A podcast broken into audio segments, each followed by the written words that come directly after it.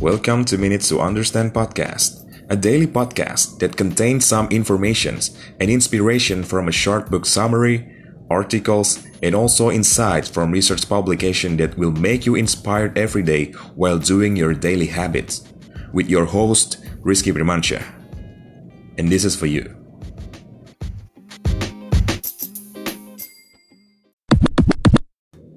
Think like a rocket scientist. Teach you how to think like an engineer in your everyday life so that you can accomplish your personal and professional goals and reach your full potential. I got my first Lego set LED one night when I was 7 years old. Although I had to go to bed before I could put it together that night, I was so excited that I got up at 7 a.m. the next morning to build it. Things quickly got frustrating. However, near the end of the instruction, when I realized it wasn't fitting together quite right, I ran through all the previous steps trying to find a problem. I still remember how exhilarating it was so to discover and solve the issue and end up with my first completed Lego set. But what was even more awesome was that I had unknowingly fallen in love with problem solving and critical thinking. I excelled in math and science classes and even while I got an engineering degree. While I'm no rocket scientist, I can tell you that knowing how to solve problems is vital if you want to be successful. It improves my relationship, business ventures, and even health, and I know it will do the same for you. That's why you're going to love learning how to develop these skills in Ozan Varol's Think like a rocket scientist. Simple strategies you can use to make giant leaps in work and life. Here's the book summarized in just three lessons. First, stop following what everybody else is doing if you want to become great at creating new things and finding unique solutions to problems.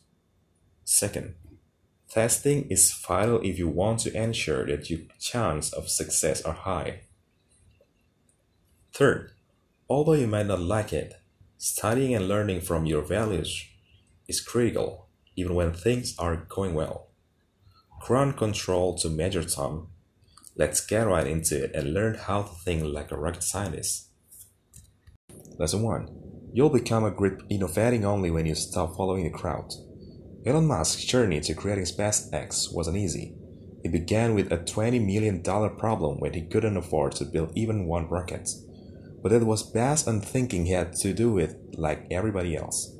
Once Musk got out of his own head and thought patterns, he realized that it was much simpler.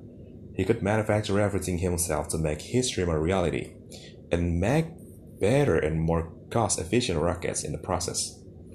While you love the success that farming habits brings, it's got some downsides, as Musk's experience shows. When you get into the same routine every day, you fail to question whether your actions and processes are actually leading to your desired outcomes, which is why you're not reaching your biggest goals. Instead, get out of route follow, by following rocket scientists who use first principle thinking Try this method yourself by questioning every piece of the problem or goal you're working on. Then identify and let go every assumption you're making about what you have to do to get it done. This lets you break free of the norm and truly get into innovative mindsets. And pretty soon, you'll be solving problems and achieving goals you never imagined possible. Lesson 2 if you want a chance of success to skyrocket, then test, test, test. A few months ago, I was scrolling through Reddit when I saw that NASA was accepting applications for astronauts. I've always been mesmerized by the idea of going to space, so I click on it. I was in shock when I realized that I may have qualified to apply. My wife thought I was crazy for considering it. It would have done it but found out not long afterward that I would be finishing my master's degrees just a month too late. And I have to admit, while I'd love to go to space, I'm not sure I'd want to go through the rigorous tests that astronauts in training have to do. If you ever heard of the Vomit Comet or know anything about it, you'll know just what I mean. The metal training sounds incredibly difficult too. NASA has astronauts go through all kinds of simulations, and they decided to try to trick trainees into making mistakes. Talk about stressful. Well, these exams, well, these examples may not sound fun. You can still follow NASA examples and test your ideas, products, and presentation as truly as they do. Try practicing in an environment where you'll perform for one. Test your job interview skills with an intimidating friend and while wearing your suit, for example. Keep trying everything you can think of to prepare and push yourself to your limits. You'll eventually get so good that nothing can go wrong when it's time to perform.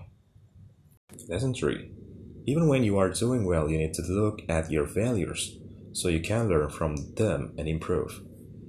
You're working hard towards your goal, experiencing successes along the way, but inevitably, at some point, you stumble and fail. It's one thing to follow the crowd and get up and try again, but it's another to learn from the failure and adapt. Follow James Dyson examples when it comes to this. He failed 1,126 times over a decade and a half before he perfected his innovative bagless vacuum. Like Dyson, examining your mistakes can lead to success. Can lead to success if you're persistent. Sometimes, though, success can blind you to issues that may lead to catastrophic failure if not corrected. The story behind what the story behind what caused the Challenger disaster show how this can happen. NASA had been having problems with damaged O-rings for years before his strategy killed seven year seven astronauts. Sorry. But because they never caused a problem, NASA simply wrote it off as a non-issue. If they had just listened to Roger Boisjoly, a mechanical engineer would continuously express concern about the damaged O-rings, those seven astronauts may still be alive today.